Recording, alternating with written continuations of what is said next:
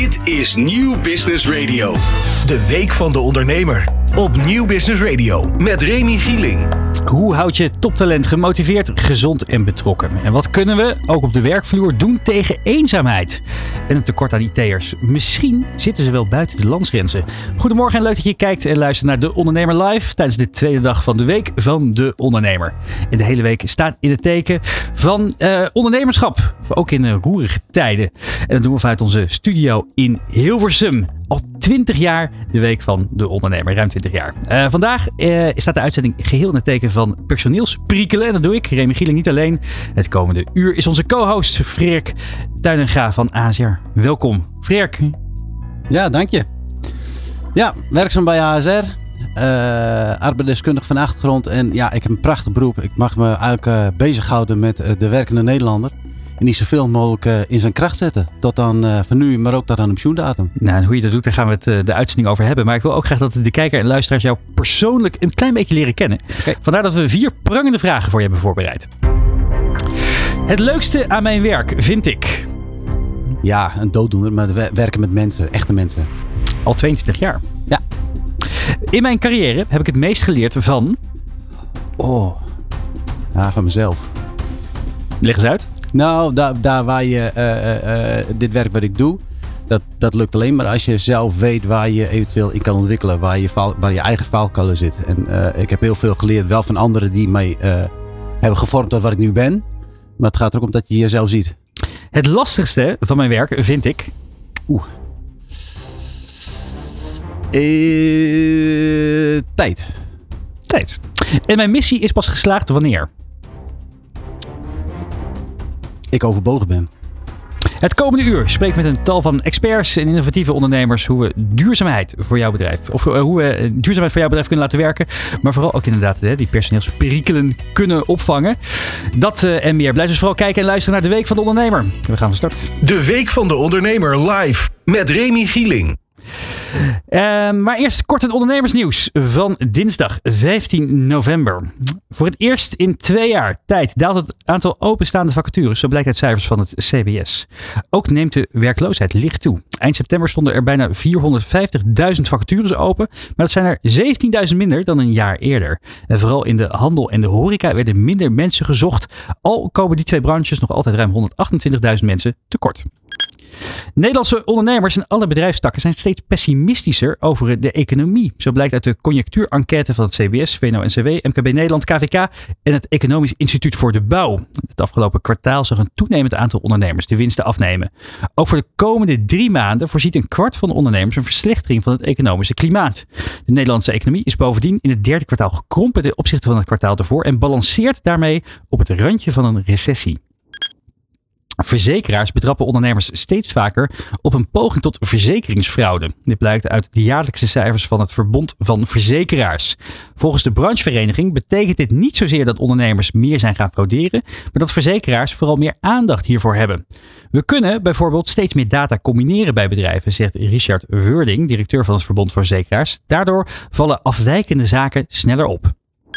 En tot slot, achter gesloten deuren is gisteravond in het Instituut voor Beeld en Geluid in Hilversum, onze buren, uitgeroepen tot beste podcast van het jaar. Achter gesloten deuren vertelt het verhaal van de Twentse multimiljonair Gerard Sanderink.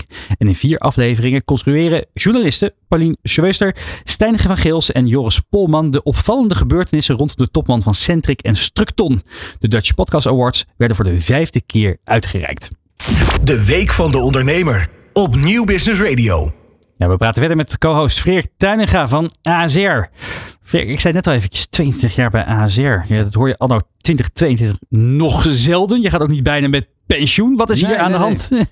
Ja, nou, kijk, ik, ik, het, het, het, het, eh, het is een verzekeraar, maar het, het onderdeel waar ik mee bezig ben, inkomen, dat, dat heeft te maken met de mens. Eh, de gezondheid van de mens en het werken daarin. Eh, Nederland kenmerkt zich eh, als een best wel ingewikkeld eh, land daarin. Ja? Regelgeving. Regeltjesland? ja, regeltjesland. Maar ook eh, hè, zodra een rekening, ja, dat is wat ik de afgelopen jaren heb gezien. Zodra een rekening voor de overheid best wel hoog uitvalt, dan wordt al heel snel wordt die rekening doorgeschoven naar de werkgever. Met die manier ook te enthousiasmeren dat ze het risico aanpakken. Nou, met name in de advisering daarvan, dat is bijna elk jaar gebeurt er wel iets. Dus elk jaar gebeurt er heel veel op dat vak eh, eh, onderdeel. En, uh, Zijn we daar anders in dan andere landen? Ah, dat is een goede vraag. Nou, laten we vooropstellen. Uh, is dat je hier als werknemer kun je heel lang ziek zijn zonder dat je het financieel voelt. Ja. En dat is, dat is ten opzichte van Europa is dat best wel uniek. Er wordt ook wel vaak over gesproken dat dat natuurlijk hè, dat dat misschien ook juist wel het werkgeverschap een beetje in de weg zit. Dat, dat ondernemers huiverig zijn daardoor ja. om mensen aan te nemen. Want als ze inderdaad eenmaal uitvallen, dan ben je daar, zit je er nog heel lang aan vast financieel. En dat, en dat kan me heel goed voorstellen. Enerzijds op het moment dat je als organisatie groeit, dan heb je gewoon die mankracht nodig. Dan heb je ook het, uh, dan moet je de werknemers ook vertrouwen geven van hé, hey, ik zie jou en ik heb jou nodig. Ja. Uh, uh, maar als een, een werknemer uitvalt, ja, en je wordt twee jaar lang geconfronteerd met een stukje loondoorbetaling. Uh, en dat is toch best wel fors. Ja. En dan denk je dat het daarna afgelopen is, maar uh, dan kom je van de koude kermis thuis. Want in principe ben je twaalf jaar lang financieel verantwoordelijk voor de zieke werknemer. Hoe lang? Twaalf jaar. Twaalf jaar? Ja, dat, uh, dat heeft ermee te maken dat als je na twee jaar als werknemer uh, eventueel nog ziek bent, dan kan het zo zijn dat je in de WIA terechtkomt. En daar zit een aantal regelingen in. En een van de regelingen is gedeeltelijke, uh, uh, de werkervatting gedeeltelijke arbeidsgeschiktheid. Die rekening betaalt de werkgever in principe voor tien jaar lang zelf. En dat is middels een hele ingewikkelde berekening, doet de UWV dat. Ja. En die legt de nota neer. En uh, naarmate je groter bent, betaalt het volledig. En naarmate je kleiner bent, en dan wordt het verdeeld onder de sector. Maar dan ben je dus, je denkt als ondernemer misschien na twee jaar je blauw betalen ja. aan een werk, werknemer die geen, ja. geen baten verder hebben ja. verricht voor jouw bedrijf. Ik ben er vanaf. En dan zou het zomaar kunnen zijn dat je dus nog tien jaar lang ja. daaraan en je, kunt natuurlijk zo iemand dan, wat, dat is vaak wat je ziet, dat je twee jaar dan misschien afscheid van elkaar neemt. Maar dan moet je nog wel even een transitievergoeding, transitievergoeding betalen. Ja, ja. Dat, dat, is voor sommige werkgevers best wel een drempel van ja, waar begin ik aan? Ja, ik, eh, ja precies. Het, het, is natuurlijk een oud gezegde. Ik wens bij een vijand ja. veel personeel. Ja, en toch hebben we het kort hè? En toch hebben we enorme tekorten. Ja. Is dit denk je ook hetgene waardoor uh, die afgelopen jaren die, die, die, die, die, die ZZP'ers zo populair zijn geweest? Dat werkgevers, ja, die hebben natuurlijk toch de handjes nodig om te, om te groeien, om hun ambities waar te maken. En die betalen dan toch liever die ZZP-premie, want ze zijn vaak iets duurder als je het uiteindelijk in een, uur, in een uurtarief uh, omrekent.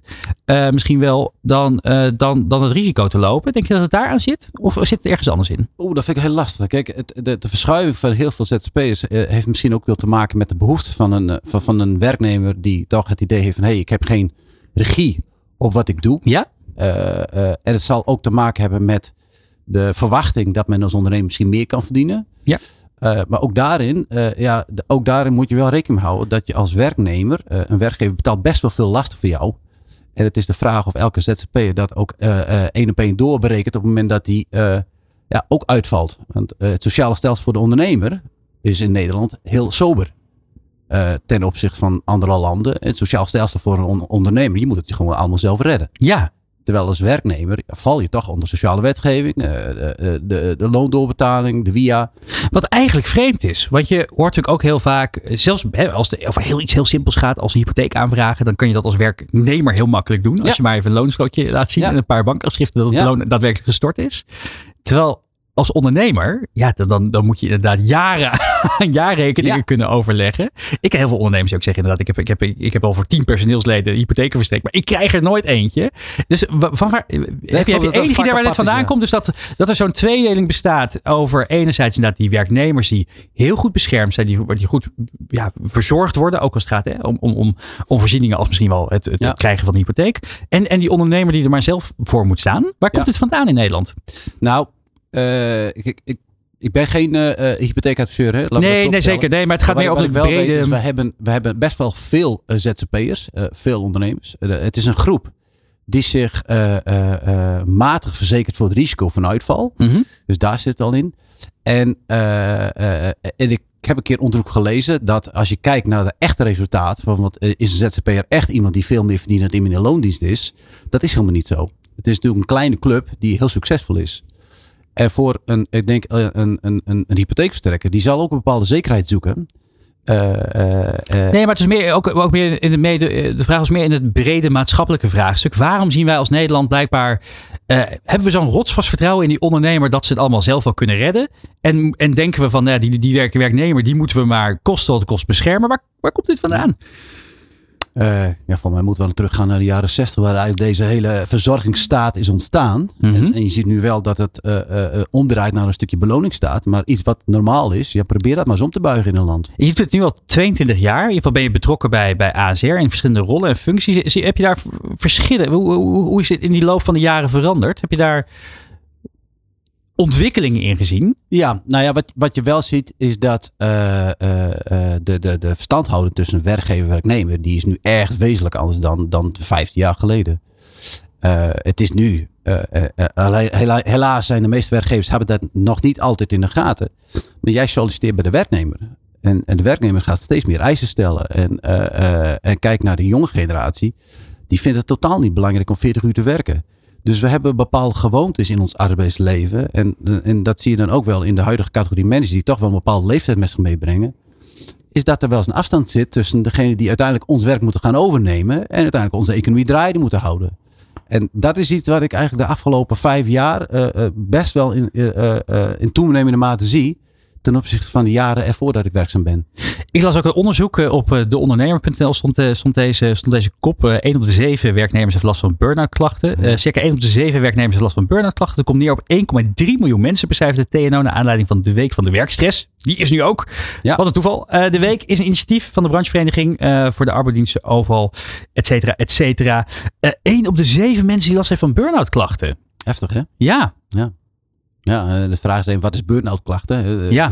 Het gevaar is dat, dat uh, uh, het al snel, heel snel, ja, 1,3 miljoen mensen hebben burn-out. Dat is natuurlijk niet zo. Het zijn burn-out klachten. Ja, wat, wat valt daar om? Wat moet ik me daarbij voorstellen? Uh, ja, het is gewoon een verzameling van stress. En, en, maar uiteindelijk gaat het natuurlijk wel veel, veel verder dan dat. je loopt leeg. En als je niet tijdig signaleert dat jij toch op je tenen loopt, dan kan het zijn dat je op een gegeven moment uh, uh, onverklaarbare medische klachten krijgt. Uh, dus je lichaam laat je in de steek, je bent leeg, je kunt niet concentreren, je slaapt slecht. maar dan is het vaak al te laat. En op deze indicatie van 1,3 burn-out klachten, ja, dat vind ik wel ernstig. Ja. En het is dan denk ik heel belangrijk dat je zo snel mogelijk achterkomt van ja, waar lopen mijn werknemers tegenaan? En, en probeer het juist te voorkomen. Want enerzijds gaat het over werknemers, maar ik denk ook over ondernemers zelf. Absoluut, ondernemers zelf. Uh, het is wel gemeten dat bij uh, echt ondernemers, de ZZP'er, daarin uh, zijn minder klachten dan bij werknemers. Grappig. Waar zou ja. dat door kunnen, wat, ja, dat, wat zou dat kunnen verklaren? Ja, dat vind ik een hele goede vraag. Ik heb er eigenlijk geen 1, 1 2, 3 een antwoord op. Misschien wel het idee dat je wat meer regie hebt over. Ik, ik ben aan het speculeren nu. Nou, ik, als je dat toch daarover hebt, een stukje autonomie, dat is natuurlijk wel heel belangrijk. En dat is ook wel gebleken op het moment dat je de werknemer autonomie geeft. Dus eigenlijk gewoon meer regie geeft. Hoe kan ik mijn werk inregelen. Niet alleen inhoudelijk, maar ook in tijden. Dan bevordert dat uh, uh, het welzijn van de werknemer, de bevlogenheid, betrokkenheid en daardoor minder stress. Ja, kenmerk van een ondernemer, die heeft feitelijk veel meer autonomie. Ik heb het idee dat het bij jou ook zo is. Tenminste, je zit al 22 jaar heel erg. Uh, uh, uh, nou, bent voor mij veel tevreden bij ASR. Nou ja, weet je, de kracht, nee, nee, nee, de kracht ook van ASR. tuurlijk, we zijn een grote organisatie, maar we, we zijn best wel plat. de, de, de, die, we hebben geen eigen kamers. Onze directsleden, Jos, Ingrid en Ewout, hebben geen kamer. Die lopen ook daar gewoon rond. Ja, dat was ook het voorgesprek bij deze, voor deze uitzending. Je, je zat heel, heel blij thuis. Uh, ja. Je zei, ik kan heel veel thuiswerken als ik dat wil. Ik kan ook naar kantoor ja. gaan. Ja. Het, uh, voor mij krijg je daar, uh, heb je dat gevoel dat ook van die autonomie daarin? Ja, zeker, zeker, zeker. En, en het, wij worden best wel veel bevraagd door onze werkgever. Van hoe zitten we in de wedstrijd? Elke week in principe heel ja. kort, maar op periodiek va vaak. dus, en die dialoog, die is ontzettend belangrijk. Van, ja, hoe ga je het gesprek aan met de werknemers? En, en ja, dat is wel iets wat ik uh, prijs in uh, het werk bij ASR. Je, je, kunt alles aangeven waar je tegenaan loopt. Heb je ideeën, heb je ideeën, wil je misschien iets anders proberen? Hè? Ze proberen ook echt wel je mobiel te maken. En dat is wat mij de afgelopen 22 jaar, ik heb altijd iets gevonden waar ik denk van ja, maar dit vind ik interessant. Uh, en dat heeft ervoor gezorgd dat ik hier nog zit, uh, Remy. Nou, we gaan zo meteen verder uh, hebben over hoe we burn-out klachten bij werknemers kunnen voorkomen. En wat er natuurlijk gebeurt op het moment dat, dat je dat niet doet. Want er zijn grote, grote gevolgen aan. Maar ook onbekwaam personeel veroorzaakt fouten en fysieke ongelukken. Dat stond ook in het nieuws. Maar nu eerst wat te doen tegen eenzaamheid. Dit is de Week van de Ondernemer. Bij ons aan tafel is aangeschoven Leon Tine Rijersen van Partout in het kader van de campagne van het ministerie van VWS 1 tegen eenzaamheid. Want 1 op de 4 ouderen voelt zich eenzaam. En op de 100 BSO-locaties van kinderopvang Partout gaan de kinderen aan de slag om fleurige bloemstukjes te maken. Die ze aan eenzame ouderen cadeau kunnen doen. Leontine, welkom in de uitzending. Dankjewel. Van uh, uh, ja, in een ondernemersprogramma gaan we het hebben over, over, uh, over de eenzaamheid bij, bij ouderen. En, bij, bij, en wat, wat jongeren daaraan kunnen doen. Maar we gaan ook proberen de link te maken met de werknemers en de werkgevers, uiteraard. Eerst even kort over, over Partout. Voor de luisteraars en kijkers zonder kinderen, zoals ik zelf. Wat, wat, hoe, hoe, hoe groot is de organisatie? Wat doen jullie precies? nou, Partout is een kinderopvangorganisatie. We hebben ruim 800. Um locaties. Uh, vangen ruim 66.000 kinderen op. En um, hebben ongeveer ruim 8000 medewerkers. Ja. Wat een hoop, ongelooflijk. Ja. Uh, en jouw eigen rol is, uh, je mag iets dichter bij de microfoon gaan zitten ja. inderdaad. um, en jouw eigen rol als marketeer, hoe ziet dat eruit? Wat, wat mag jij dan, uh, wat mag jij doen om, om de, de organisatie bij wie nog meer onder de aandacht te brengen? ja, zowel bij de kinderen, dus zorgen dat ze het leuk hebben op de opvang. Dus dat er activiteiten gedaan worden die de kinderen ook daadwerkelijk leuk vinden om te doen. Mm -hmm. Uh, en bij ouders natuurlijk laten zien wat we dan doen. Dus uh, dat ze hun kinderen met een gerust hart kunnen brengen en zich niet schuldig hoeven te voelen dat uh, ze hun kind dan ook in de opvang brengen. Ja, wat hebben jullie, wat, wat, was de reden dat jullie hebben besloten om je dus in te zetten tegen die eenzaamheid bij ouderen? Want je denkt niet dat, kijk, kinderopvang, jongeren, jeugd, mm -hmm. daar focussen we ons op. De, de, de, bejaarden, ja. dat zit in een andere niche. Hoe, ben je zo, hoe, hoe zijn jullie hier zo bijgekomen? ja, je denkt dus inderdaad dat het heel ver uit elkaar ligt. Maar kinderen en ouderen hebben eigenlijk best wel veel gemeen. Uh, zijn heel erg eerlijk allebei. En uh, ja, vinden dezelfde dingen leuk. Muziek, uh, knutselen en uh, spelletjes spelen. Um, vinden vriendschap bij heel belangrijk. En um, daardoor is eigenlijk de link gelegd. Vriendjes en vitamintjes zijn belangrijk voor iedereen. Dus dat gunnen we ook iedereen. Dus ook de ouderen. Verk, dit, uh, hoe, hoe kijk jij hiernaar? Is, is, is dit ook een groot probleem in, het, uh, in, de, in, in, de, in de regio uh, Leeuwarden, waar jij vandaan komt? volgens mij valt het daar wel mee. ik weet wel dat de, de, de, de werkdruk bij kinderopvangorganisaties, ik weet niet of je, of je dat kent, dat is best wel hoog. Zeker. het werk van iemand in de kinderopvang vind ik ontzettend belangrijk. Mm -hmm. Uh, het wordt uh, niet altijd door de werknemers zelf ook de dusdanig ervaren dat ze heel belangrijk zijn. Uh, waar ik me benieuwd ben, loop jij daar ook tegenaan? En, en of als dat niet zo is, hoe zorg jij ervoor dat die werknemers gemotiveerd zijn om dit werk te doen? nou, bij Partout lopen we er zeker tegenaan, want het is gewoon een, in de kinderopvang in het algemeen een probleem op het moment. Ja. bij Partout zijn we er ons natuurlijk heel erg bewust van. En um, mijn werkgebied is de activiteiten, dus we proberen uh, de, de pedagogische medewerkers die op de groepen staan te ondersteunen in het stukje activiteit. Want het kost gewoon best wel veel tijd om dat te organiseren voor de kinderen. Uh, maar dat is wel een belangrijk ding voor de kinderen wat we willen. Dus daar ondersteunen we de pedagogische medewerkers zoveel mogelijk ja. in. Had jij, voordat je aan deze campagne begon, één tegen eenzaamheid, had je het idee dat het zo'n groot probleem was, die eenzaamheid bij ouderen? 1 op de 4 is echt een hele hoop natuurlijk. Ja, is echt heel veel. Ja, de helft van de 75-plussers zegt uh, eenzaam te zijn. Um, zelf ja, je weet dat het er wel is, maar ik denk als je er zelf niet heel dicht op zit of zo, of misschien niet in je directe omgeving uh, iemand hebt die eenzaam is, jong of oud, dat, het, ja, dat je er niet snel bewust van bent. Ja, Freek, uh, op, de, op de werkvloer, heb je, uh, merk je daar nog wat van? fenomeen eenzaamheid? Ja. Oeh. ik denk absoluut. Kijk, binnen, binnen uh, het, het, werknemersveld wordt er wel gesproken over PSA-klachten, psychosociale arbeidsbelasting. Mm -hmm. en, dan heb je het over werkstress, werkdruk, ongewenste omgangsvormen, pestgedrag. Mm -hmm. Uitsluiting? Uitsluiting. Dus? Nee, ja? Ik ben ervan overtuigd dat met name dat soort gedrag, ongewenste omgangsvormen en pesten, dat dat zorgt voor een eenzaamheid. Hè? Dus je, je, je bent alleen in een bedrijf met 100 man. Uh, dus je hebt wel mensen om je heen, maar ik, ik ben ervan overtuigd dat dit, uh, dit element daarin speelt. Natuurlijk op een andere manier zoals jij het nu beschrijft. Maar het gevoel van ik ben alleen, ik denk dat dat absoluut speelt bij heel veel werknemers. Wat uh, heeft de Partout gedaan om, om hier in te zetten? en, en, en hoe zijn jullie op dit, dit gegeven gekomen? Ben ik ook wel benieuwd naar. Ja, um, ja Partout de missie is generaties verder brengen. Dus dat begint bij de kinderen opvangen, zodat de ouders kunnen werken. Ze inzetten als vrijwilliger op ja, eigenlijk op welk gebied dan ook in de maatschappij uh, zich inzetten. En ook dus de oudere generatie. En uh, ja, die link leggen, dat was eigenlijk vanzelfsprekend. Dat gebeurt op heel veel locaties al. Um, ja, in het klein zeg ik dan gewoon gemeentelijk of uh, op locatieniveau. En wij zijn daar als uh, Partout Servicekantoor, uh, hebben we ons daar wat groter ingezet. En toen hebben we het contact gezocht met de Nationale Coalitie. Ja. Eén tegen eenzaamheid. En wat, wat, is, wat kwam eruit? Um, daar zijn we in 2019 bij aangesloten. Ik vond het heel mooi dat uh, Partout als kinderopvanglocatie um, ja, zich daarvoor wil inzetten. En uh, bewustwording wil creëren al bij de jonge kinderen. Ja, maar en dan nog concreter. Wat, hoe, hoe ziet dat eruit? Um, ja, de locaties zelf gaan uh, op lokaal niveau eigenlijk langs op bij het verzorgingstehuis, sturen een kaartje. We hebben natuurlijk locaties voor kinderen van 0 tot 4, kinderdagverblijf en de buitenschoolse opvang uh, 4 tot 12. Mm -hmm.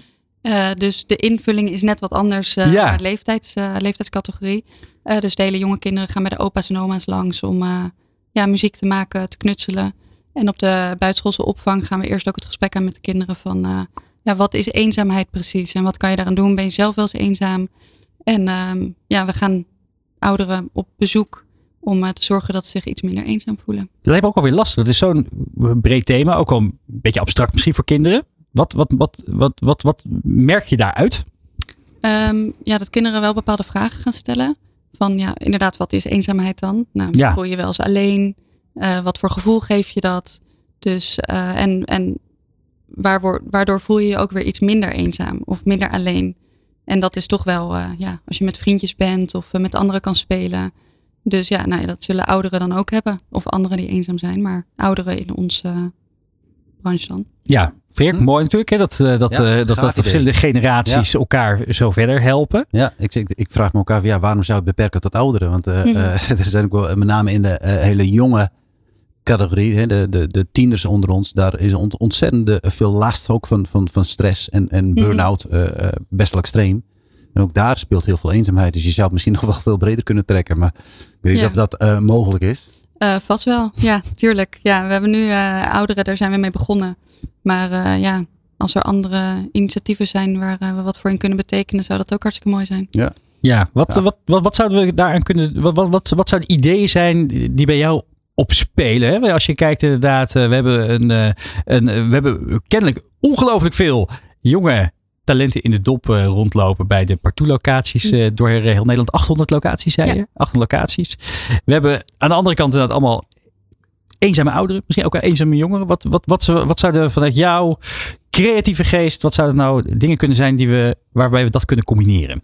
Nou ja, ik, ik, ik, volgens mij eh, eh, dit idee uitrollen eh, breder. We hebben het nu over een. eh, eh, er zijn natuurlijk veel meer kinderopvangorganisaties. En eh, eh, eh, mijn eerste signaal was inderdaad dat daar heel veel sprake is van uitval. eh, terwijl het een hele belangrijke schakel is voor heel veel werkende ouders.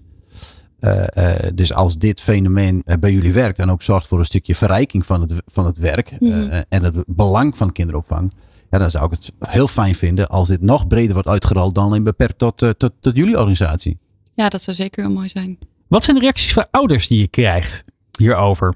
Um, ja, die vinden het uh, heel mooi om te zien. Uh, de, de gesprekken thuis gaan dan ook weer voor, bij de buitenschoolse opvang dan uh, bij die Ze denken niet, leeftijdscategorie. pff, ga- we hebben nog- nog een onderwerp om te behandelen bij de eten.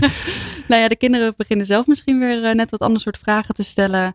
En um, ja, dat, ik denk dat dat gewoon heel mooi is om uh, het gesprek op gang te brengen. En dat brengt bij ouders misschien ook weer wat extra bewustwording.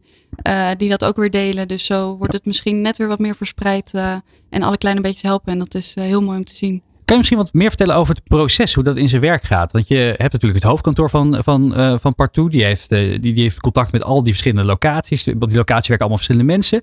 Hoe krijg je zo'n zo'n concept, zo'n idee ook bij iedereen ja, op, de, op, de, op, de, op de vloer leven? Ik denk dat dat misschien ook wel een, een mooi haakje is naar veel uh, uh, werkgevers die misschien denken: oh ja, Mhm. leuk thema. Of nee, geen leuk thema, maar belangrijk thema. Moeten we iets mee doen? Maar dan moeten we het wel in de organisatie ook krijgen. Dus hoe hebben jullie dat gedaan?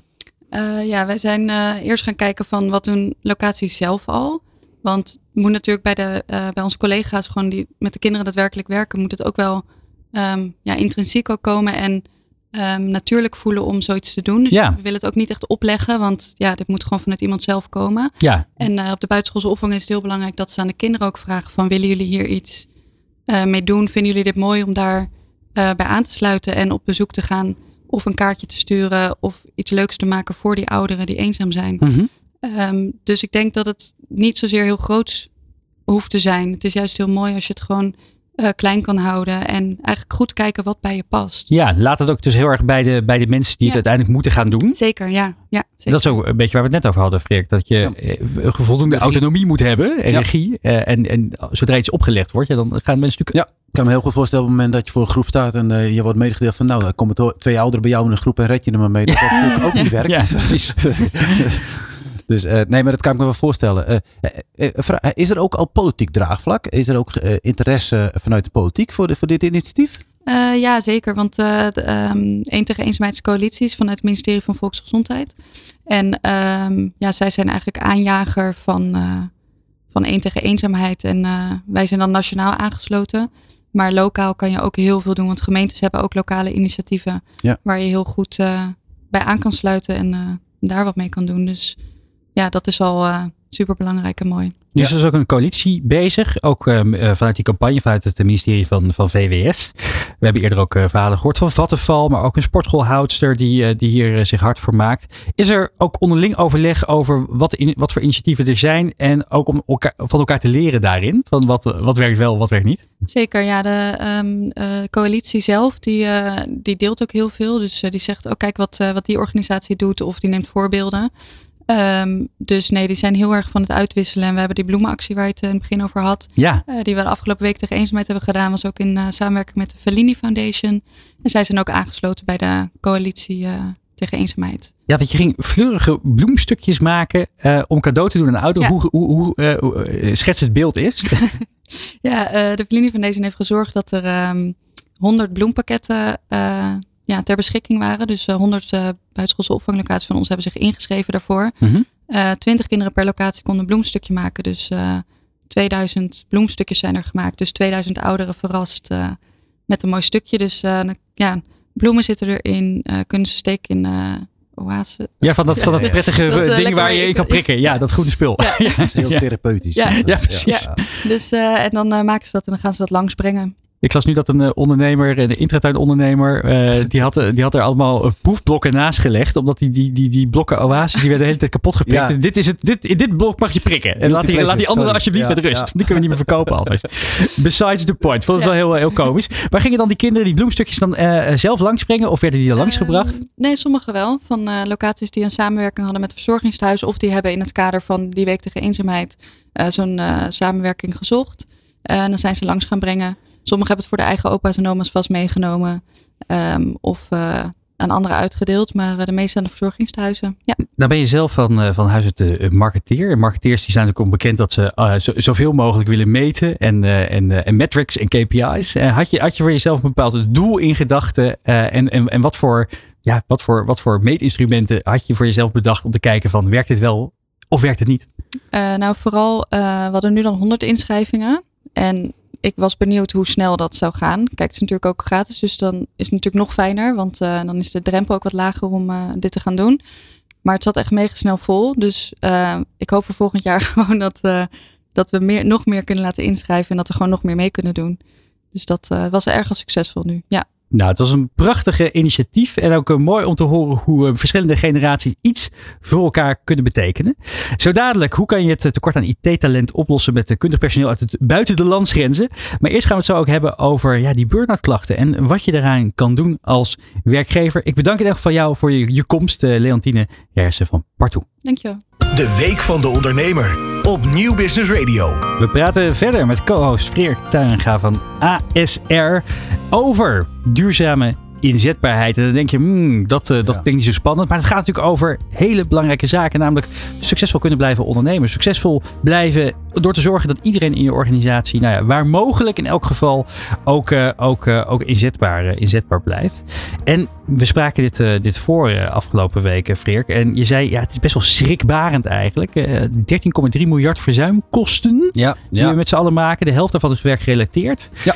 Eh 65% daarvan komt dus ook weer door die psychosociale arbeidsbelasting. Ja. Drie keer woordwaarde. Eh want 20% komt dus eigenlijk maar hè, van fysieke klachten. Dus dat eh, ongelukjes. Ja. Daar eh, gaan we het misschien zo ook nog even over hebben. Maar dus 65% zit echt tussen onze...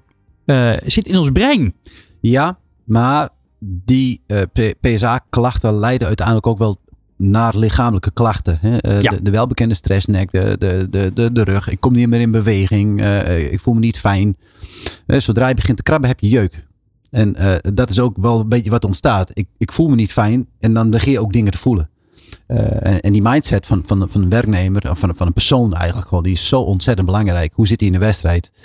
En als je dan eh, weet dat inderdaad de helft van, van die eh, 6 miljard, dat dat in daaraan gerelateerd is, ja, daar ben ik ook wel van geschrokken. Wat een hoop. Ja, dat is ontzettend, ontzettend veel. En ik denk dat heel veel denken dat misschien ziekte, oh, dat is een, eh, eh, een ernstige ziekte of dat is een gebroken been en, en daardoor zijn er kosten.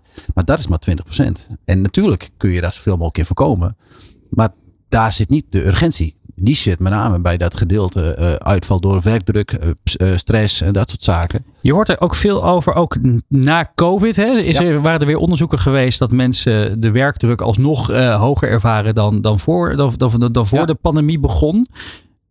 Ik vraag me soms af, heb, jij, heb jij idee, waar zit dat? Waar, waar komt dat door? Nou, er zit wel een nuance in. In 2019 eh, er zijn een aantal eh, eh, variabelen weer positief bijgesteld. Maar dit jaar zi- zien we weer terugkeren. En, en, en dat heeft ook mee te maken dat, dat we met z'n allen op zoek zijn naar de ideale mix eh, na corona. We zijn ook gewend om weer thuis te zijn. Voor sommigen was het best wel lastig, maar het heeft ook, ook wel veel gebracht. Een stukje bewustwording, wat is nou belangrijk in het leven?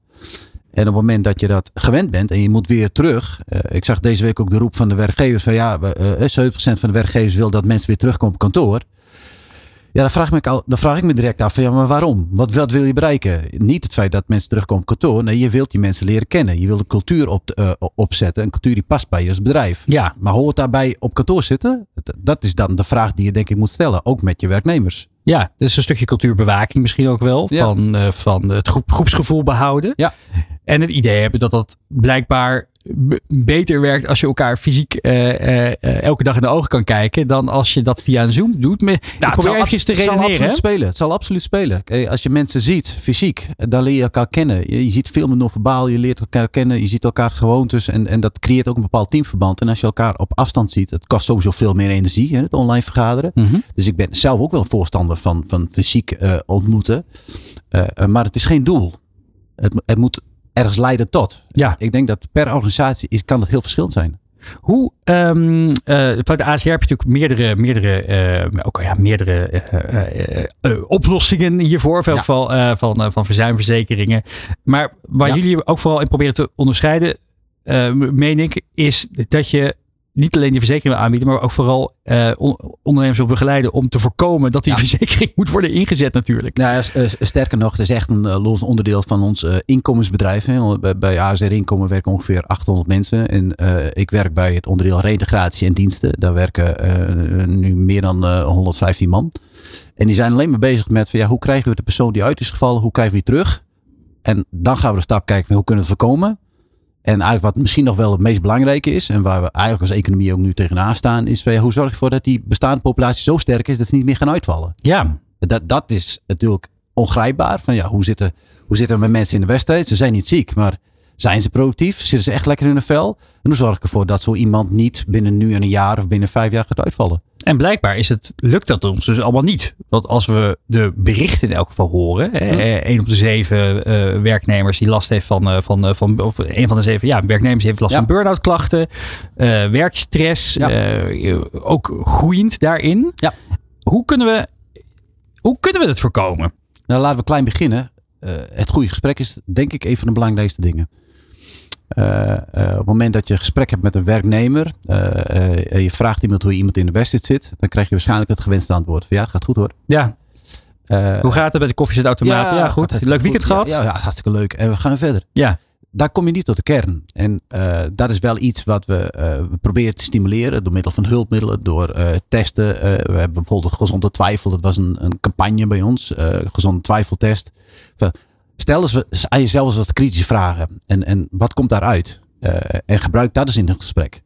Eh, maar het helpt ook als je als werkgever ook kwetsbaar durft op te stellen. Dus Ja. ja. ik ga toch eens een keer een, een vragenlijst. En dan gaan mijn mensen eens vragen van... joh, geef eens anoniem je mening over, over mij. ja. Eh, eh, eh, dat is eng. Maar dan krijg je misschien ook wel een antwoord wat je niet wilt horen. Nou, ik denk dat het daar heel erg in zit. Kijk, als een werknemer zijn, zijn of haar leidinggevende niet vertrouwt, hè, of onvoldoende, dan gaat hij nooit Ja. vertellen dat er wat, wat, er, wat, er, wat, er, wat er speelt. Thuis Ja. of op het werk. Nou, kenmerkend is dat, dat eh, eh, er, is een, een onderzoek, een nationaal leiderschapsonderzoek. eh, en, en 86% van alle managers ziet zichzelf als een inspirator. maar een derde van de werknemers bevestigt dat. nou, dat is natuurlijk wel een hele opmerkelijke. Het is een beetje hetzelfde onderzoek dat mensen zichzelf erg overschatten in hun rijgedrag en andere mensen erg onderschatten in hun rijgedrag. Nou ja, het wordt ook wel eens bevestigd. Ik, ik, wij, wij geven ook trainingen, eh, onder andere ook een stukje communicatie. We, we leren werkgevers eh, en managers van hoe ga je nou eens met een, een, een werknemer gesprek, waarbij er echt een gelijkheid is en, en waarbij de werknemer ook echt gewoon datgene laat beschrijven wat, wat echt relevant is. En, en ga geen aanname doen, maar zet jezelf even aan de kant. Jouw oordeel en jouw mening is totaal niet belangrijk. En een vraag die ik altijd stel aan managers, eh, eh, er is 100% verzuim in Nederland. En eh, hoeveel procent daarvan is fraude? Ja, en dan, dan zeggen heel veel managers, ja, dat is wel 30 of eh 40 procent. En dat is maar tussen de 1 en de 5 procent. 20 procent is echt medisch. Er is echt iets aan de hand. Ja. En het grootste gedeelte is gereisd verzuim. Dat betekent, er is iets.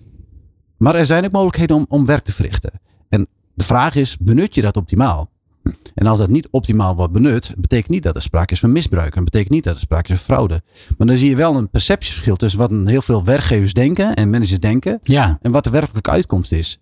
En als je dat weet, ja, misschien kun je dan op een andere manier het gesprek ook aangaan met je werknemers. Van ja, waar loop je tegenaan? is het ook misschien wel een van de oorzaken dat heel veel. Ik, ik verbaas me daar wel eens over. Dat, eh, dat, dat, dat, dat eh, mensen die goed zijn in hun werk, die worden heel snel eh, omhoog gepromoveerd naar manager. Ja. En die krijgen dan vervolgens een, eh, eh, de, de, de eindverantwoordelijkheid over een team van mensen. Ja, Eh, zonder dat ze misschien daar echt hun talenten liggen. Namelijk het motiveren en het stimuleren en Ja. het, het, het in de kracht zetten van anderen. je ziet, je ziet wel, een, wel een verandering daarin. Maar ik, ik, ik, onderken dit ook. Eh, eh, eh, ik maak de meeste uren, ik heb de meeste diploma's, dus maak mij mijn manager. Ja. Eh, Want maar, daar zit namelijk een hogere salarisschaal aan vast. ja. Nou, En, en, dat, en dat klinkt goed in de vriendengroep. Hè? Hoeveel, Ja. hoeveel, hoeveel mensen vallen onder Ja. jouw team? Nou, bij mij. Ja. Ja. En toch zie je, en, en, en je ziet er wel een verandering in dat, dat eh, eh, en, en de, de ondernemers die ik spreek, dat zijn altijd, ik zeg ook altijd weer de vraag van, joh, maar in welke mate bepaal jij dat iemand ziek wordt? Dus wat is jouw eh, bijdrage daarin? wat zeggen ze dan? Stil. Stilte. Niet eerst even ontkennen? Nee, het, is vaak wel direct stilte. Ja. En, maar sommigen vragen ook wel, bij wie kan ik me het mak- makkelijkste ziek melden? Hè? Wie geeft mij de meeste ruimte om gewoon er niet te zijn? Dus, dus hoe dicht sta je bij je mensen? Eh, en dat is super, interessant. En daar begint het wel mee als ondernemer. Durf je jezelf kwetsbaar op te stellen? Durf je in de spiegel te kijken? Ja, natuurlijk ook, ik denk dat de klankbord daar juist heel belangrijk voor is. Want als ondernemer ben je natuurlijk super druk met Ja. duizend prioriteiten Ja. die op je bordje liggen. Er is elke dag wel. De waan van de dag regeert toch vaak. Ja, Eh, ehm, en ik denk dat, dat, dat, dat er weinig momenten zijn dat iemand echt eventjes die controlevraag bij je stelt. ja. Terwijl het zo'n belangrijk onderwerp is. Ja, En We ja. noemden het net al eventjes. Ik- 13,3 miljard eh, kosten per jaar. ik beschouw mezelf, en ik denk dat mijn meeste collega's dat wel hebben. Wij, ik, misschien zijn wij ook een soort met van een messlijpmoment. Eh, op het moment dat wij de vragen stellen, gaan ze nadenken. Eh, en het is ook een vorm van bezinning. Ik geef ze ook altijd wel een tip. Je, je hebt je, je grootste denkkracht, je grootste denktank, dat zijn jouw werknemers zelf. Dus vraag hun nou gewoon om te helpen. Komen ze niet alleen bij jou als het al eigenlijk te laat is? Eh, dat is helaas wel wat eh, momenteel meestal mijn agenda bepaalt. Eh, eigenlijk al, al, al denk ik al vier, vijf jaar in Nederland gaat het verzuim omhoog. En natuurlijk zijn er verzekeraars, dus we kijken ook naar de resultaten. En daar waar we kunnen helpen, ja, heeft het een, een, een, een, een, dubbel belang. Belang van, van onze verzekeraar, maar ook van hem als, als werkgever. Want de kosten is niet alleen de loondoorbetaling. Nee, die is wel twee of drie fout van de totale kosten van de loonsom. Ja, Dus eh, je, je hebt in één keer iemand die niet zijn werk, Ja, zijn of haar werk aan uitvoeren. Eh, Je moet daar opvang voor vinden. Eh, je bent heel veel tijd kwijt Ja. om dat ook nog eens te organiseren. Je bent tijd kwijt in de communicatie, misschien wel met bedrijfsartsen. Het geeft je ook veel kopzorgen. Hè? Je, bent er, Ja. je, je maakt misschien ook wel druk over het welzijn van die medewerker. Ja, of, of soms een kop in het zand. Hè? Als, als, als iemand zeg maar op een loonsom van 5 ton, op het moment dat je 25.000 euro loondoorbetaling hebt, dan lijkt dat misschien niet veel. Maar als je de totale kosten richting de 75 gaan, dan vind ik het toch best wel een aanzienlijk bedrag. En eh, die vraag zo ook op die manier stellen, dat zet ze ook eens aan het nadenken van, maar is dat wel zo? Eh, eh, en dat maakt ook de urgentie van werkgevers steeds vaker van, ja, we moeten hier echt wel iets aan doen. En dat, dat is natuurlijk wel interessant. Wat hoor je van die werknemers? Want ik neem aan dat je komt natuurlijk bij die werkgevers over de Ja. vloer. Je spreekt, ik neem ik aan, ook wel met, met, met werknemers in Graag deze zelfs. bedrijven. Graag Ja? zelfs. Hoe gaat het in zijn werk? Je komt daar? Nou, als ik, uh, uh, als ik bij werkgevers kom, en dat zijn uh, verschillende manieren. Soms kan het een, een, een, vraag zijn omdat ze echt met de handen in het haar zitten. Dat ze geen grip hebben over het gedrag van werknemers. of dat ze de, de oorzaak niet kunnen achterhalen. wat als ik vaak met werkgevers spraak, spreek, dan, dan ga ik gewoon heel, helemaal terug naar het begin. Van, joh, wat doe jij om te voorkomen dat iemand uitvalt? want we hebben het over verzuim, ja, dan hebben we het over arbo-artsen. Nou, daar is een tekort voor. En dan gaat men klagen over dat een arboas niet bereikbaar is. Ja, dat is, ik, is ook een probleem. Kan ik niet oplossen. Ik heb geen blik met de artsen. Uh, het, is gewoon een, een, een, politiek probleem. Daar moeten we iets mee doen. Dat is zo.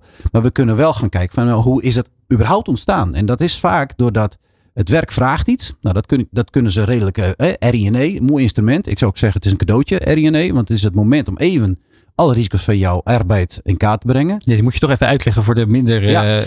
uh, onderlegde ja, luisteraar. Uh, risico-inventarisatie en evaluatie. Uh, eigenlijk is dat een, een, een, een, een, een, ja, zeg maar een middel om de risico's in kaart te brengen van rondom je arbeid, het welzijn en alle risico's die er echt mee spelen. het wordt ook verplicht gesteld. bij de meeste werkgevers waar ik kom, ja, is die verplichting niet altijd nagekomen. maar aan de andere kant, die gebruiken het ook om die risico's inzichtelijk voor jezelf te maken. Gebruik het als middel om jouw uh, uh, organisatie nog beter te organiseren. Ja, zie je niet als moetje, maar als, uh, als, als, een, als een stok achter de deur ook voor jezelf en voor, je, voor je medewerkers. Om ze in kaart te brengen van, van hoe, hoe, hoe, als een soort eikmoment. Hoe, hoe staat mijn organisatie eigenlijk voor? Ja, en, en bij die werkgevers die dat het best hebben gedaan, die hebben dat echt in handen gegeven aan de werknemers. Dat, dat, dat valt me continu op. Daar waar er, dus wat is het succes? Dat ze het wel hebben georganiseerd, dat het verzuim naar beneden gaat. Dat zijn die organisaties die de werknemers echt naar voren schuiven. Al, al soms als een adviesorgaan. Hè. Noem het geen ondernemersraad, noem het geen personeelsvertegenwoordiging, maar noem het een MDT, een meedenkteam. Maak ze belangrijk. En, en dat, dat, dat is een hele belangrijke succesformule. Scheelt je als ondernemer ook weer heel veel tijd. Jo, consultancyuren. Zometeen in de uitzending drie praktische tips om het verzuim in jouw organisatie te voorkomen. Maar nu eerst een slimme oplossing voor het nijpende tekort aan IT-talent. We zoeken ze gewoon in het buitenland. De Week van de Ondernemer live met Remy Gieling.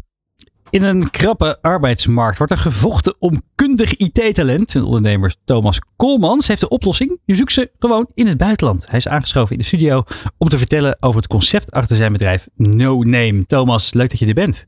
Dankjewel. Je moest uit Ulft komen vandaag.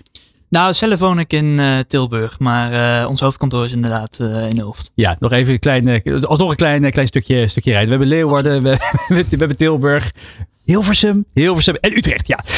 um, no Name, leg eens even uit. Wat, wat, wat doen jullie precies en hoe ben je hierop gekomen?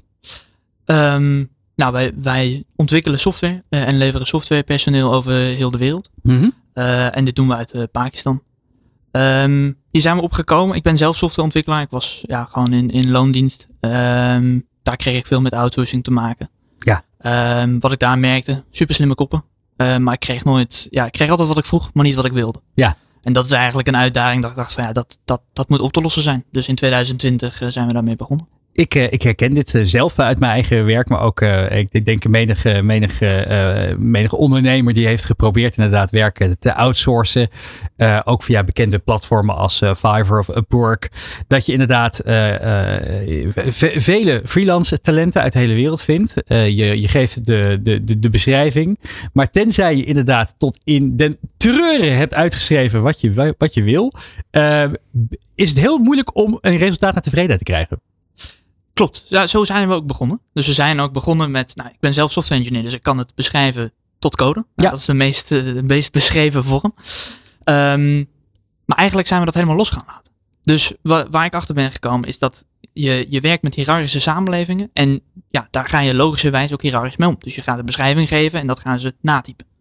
Alleen dat werkt voor een fabriek. Nou, dat is heel hiërarchisch, maar niet voor een creatieve omgeving. Ja.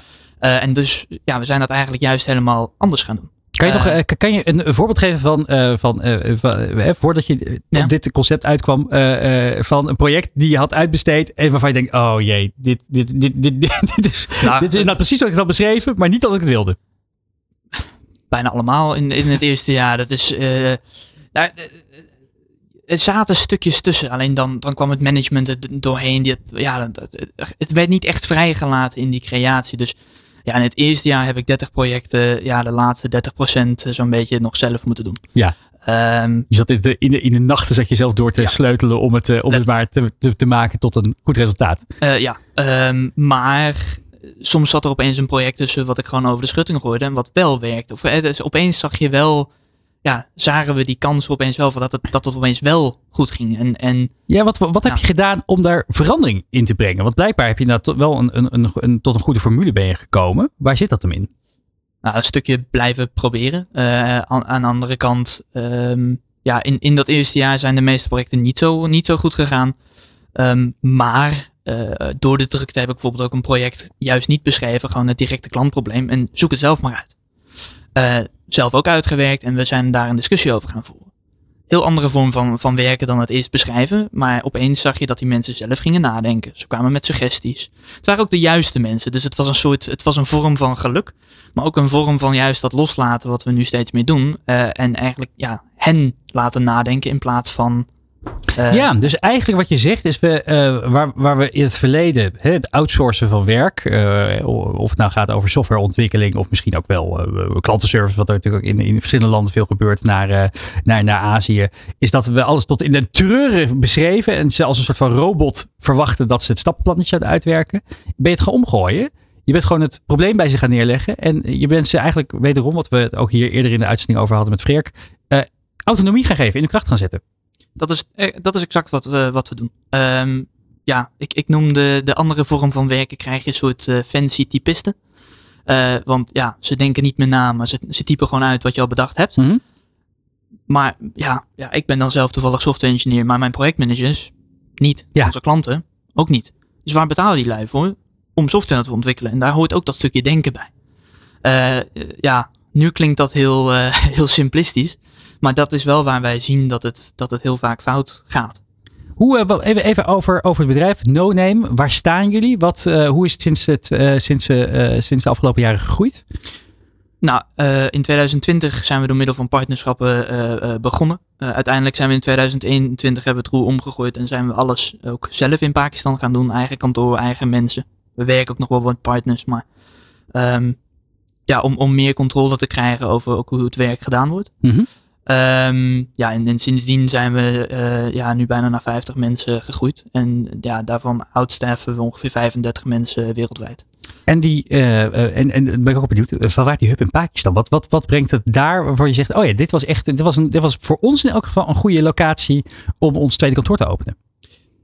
Pa- ja, een paar redenen. Het is een ongezien land. Dus als je aan outs- outsourcing of ja, remote softwareontwikkeling denkt, denk je niet aan Pakistan. Dat komt vanwege verschillende ja, oordelen. Of ja, mensen denken daar gewoon niet zo snel aan. Ehm, maar het, het is een land su- super in ontwikkeling. Software is daar eh, eh, erg in ontwikkeling. Dus vandaar dat we daar eh, zijn. In mijn ervaring zijn ze ook kundig in Engels. Ze, je verstaat ze ook bijvoorbeeld net iets beter dan, dan vind ik dan mensen uit India bijvoorbeeld. Mhm. Ehm, dus de kans dat je iemand daar vindt die echt perfect Engels spreekt, is, is wat hoger. En ook de neiging naar wat assertiever, assertievere houding is daar ook aanwezig. Het blijft, eh, nogmaals, het blijft een hiërarchische samenleving vanuit een historie. Dus ik wil niet zeggen dat iedereen dat is, maar de kans dat je iemand daar vindt, eh, is wat hoger. Wat voor projecten doen jullie zo al? Kijk, heb, je, heb je wat voorbeelden voor de, voor de kijker en luisteraar? Ehm, absoluut. Eh, we vliegen eh, op dit moment elke twee weken iemand eh, voor eh, eh, naar Saudi-Arabië. Mhm. En die werkt dan eh, twee weken in Saudi-Arabië en twee weken eh, remote vanuit eh, Pakistan. Eh, ja, dat is dan echt ons ja, soort detacheringsmodel. Zelf noemen we dat outstaffing. Ehm, ja, aan de andere kant werk bijvoorbeeld aan eh, online eh, videoportals voor de Amerikaanse overheid. Dus echt, echt wel heel breed. Hoe kom je aan al die klanten? Vanuit Tilburg en of, of Eh, goeie vraag. Dat is, ja, ik heb zelf ve- veel de wereld rondgereisd. Vandaar een stukje online marketing. ja, en via via. Eh, we hebben ook, eh, ook, ook in Nederland hebben we klanten. Eh, ja, maar wat wij doen is zeer internationaal. Ehm, ja, dus we merken dat die vraag, die, ja, die vraag komt daar gewoon vandaan. Ja, en ik denk hè, de komende jaren, de, ieder bedrijf wordt een softwarebedrijf, wordt, wordt vaak gezegd, maar is denk ik ook stiekem eigenlijk wel zo. Is die vraag natuurlijk alleen maar groter en groter gaan worden. En je merkt denk ik ook wel in Nederland dat het gewoon heel moeilijk is om aan kundig, kundig talent te komen. Is dit, maar het is tegelijkertijd misschien niet, niet voor iedereen de oplossing. Nee, dat, uh, ook ik heb softwareontwikkelaars in Nederland. Ja, dus, dus waar, hoe maak jij die balans heen? Nou, kijk, de softwareontwikkelaar die ik bijvoorbeeld in Nederland heb, dat is echt een, een bijvoorbeeld een CTO. Iemand die direct met de klanten, die, ja, die ook echt op de vloer moet, moet komen. Ja, en, dat is dan een logische uh, uh, keuze waar ja, het, het creatiegedeelte daarna, dat is, wordt allemaal gedaan eigenlijk uh, in Pakistan. Daar maken wij die keuze en dat adviseren wij ook. Wij leveren eigenlijk geen personeel of doen, ja, doen dat niet als er niet ook echt kunde in huis is. Want ja, dan dan is het meteen gedoemd om te falen en dan worden wij toch op aangekeken uiteindelijk. Dus um, ja. Wat is het lastigste van, uh, van, van, van het werken met mensen op afstand? Vind jij? Ja, er zijn, er zijn zeker wel uitdagingen. Um, ja, ik persoonlijk ben er heel erg aan gewend. Uh, dus ik, ik, ik weet niet of ik daar. um, ik persoonlijk vind het niet meer lastig. Uh, kijk, ik heb daar gewoon mijn eigen kantoor. Ik, ik, ik heb dat redelijk goed onder controle. Maar uh, en, en die mensen, ja, die zitten ook gewoon bij elkaar. En, en dus dat teamgevoel is er wel. Ja. Um, ja, kijk, je hebt zelf, ja, is er die afstand altijd. Maar ja, ik ervaar dat niet zozeer als je die mensen ook die autonomie geeft. Dan, ja, uiteindelijk hoef ik er dan ook niet per se zo in te, me in te mengen. Kunnen wij iets leren van de Pakistaanse medewerker? Ja, goede, goede vraag. Heb ik eerlijk, eerlijk gezegd nog niet eerder over nagedacht. Nou, het is natuurlijk wel heel mooi dat, dat, dat schijnbaar werkt dit. Uh, uh, en, dat kan natuurlijk liggen aan, aan de chemie die je hebt met de mensen. Maar ik ben wel benieuwd, ja, zit er bijvoorbeeld een verschil in tussen de mensen die, waarmee je in Nederland werkt versus de, de medewerkers die je in, in Pakistan ziet? Wat wij merken is dat, dat de wil daar gewoon ontzettend is. bijvoorbeeld, wat ik wel interessant vind is bijvoorbeeld dat wij, wij zijn in Pakistan en betalen ook ja, er is zoiets in Pakistan dat als je het geld direct vanuit Nederland naar iemand in Pakistan stuurt, dan hoeven ze geen belasting over te betalen. Nou, wij, wij doen dat niet. Wij betalen daar belasting. En, bijvoorbeeld die mensen die, die willen echt ervoor gaan, ook gewoon in hun werk. Um, ja, nogmaals, we zijn 24-7 open uh, bijvoorbeeld. En dat totaal geen probleem. Um, maar ze vinden, het, ze vinden het juist ook gaaf om, om belasting te betalen. Uh, ze, ze, ze gaan er echt voor om dat land een stukje beter te maken. Een bepaald trots. Ja. Uh, oh, wie, um, uh, als nou kijkers en luisteraars denken, ja, ik, ik ben ook een beetje, ik zit ook omhoog met mijn IT-projecten. Wanneer uh, moet ze bij je aankloppen? Nou, wij, wij doen twee dingen. Wij, wij pakken projecten op. Maar dat, zeg, ja, dat is eigenlijk altijd meer een soort, ja, heb je één probleem wat we op kunnen lossen, dan, doen we, ja, dan is dat eenmalig en, en pakken we dat als een project op. Ja, en we, en we leveren uh, personeel. Dat, dat moet wel bij je passen. Dus je, je moet er wel klaar ook voor zijn om je processen te hebben om ja, met remote personeel om te gaan. Maar ik denk dat ja, vanaf 2020 dat we redelijk hebben geleerd dat dat kan. Um, dus ja, op dat moment gaan we, ja, gaan we, kunnen, kunnen wij met een uh, klant aan de slag. Nou, wie er meer over wil weten, kan kijken op noname.eu. En no is met een nul geschreven. Het artikel uh, met uh, Thomas Koolmans van NoName staat ook op deondernemer.nl. Thomas, leuk dat je hier je verhaal komt doen. En uh, Freek uh, van AZR, ik wilde graag deze aflevering van De Ondernemer Live tijdens de Week van de Ondernemer met jou afsluiten. we hebben de kijker en luisteraar drie praktische tips beloofd. Wat ze kunnen doen om het verzuim in hun organisatie te voorkomen. Dus de floor is yours. Ja, nou ik denk de, de belangrijkste is uh, als ondernemer uh, kijk in de spiegel en uh, vraag je af of je de werknemer echt goed kent. Dus daar begint het mee. En doe geen aannames. Um, tweede is, geef de regie uit handen. Dus betrek je werknemers binnen je bedrijf. Dus maak ze belangrijk. En dan niet via een ondernemersraad. Of, dus dat is dat prima. Maar heel veel werknemers zien dat als een vehikel. Maar nodig gewoon uit om bijvoorbeeld ergens over na te denken. Het hoeft niet een hele jaar, het kan ook een paar weken. Dus maak daar creatief gebruik van. En als je dan toch hebt over uh, uh, verzuim, uh, wat best wel hoog is in dit land. Hè. Dit, we zitten nu echt op 6, 7 procent. Ja, dat is, dat is veel te hoog. als je dat wilt tackelen, begin bij de bron. Dus wacht niet tot ze ziek zijn, maar ga al van tevoren onderzoek doen van wat zijn mijn stoplichten? Wat zit, staat nu op oranje? Wat kan mogelijk leiden tot rood? Dus probeer het van tevoren uit te zoeken. Nou, wil je daar persoonlijk advies over geven, eh, over krijgen als ondernemer, dan uh, neem even contact op met ASR, want dan komt Freek persoonlijk misschien wel bij je langs. Hartstikke leuk.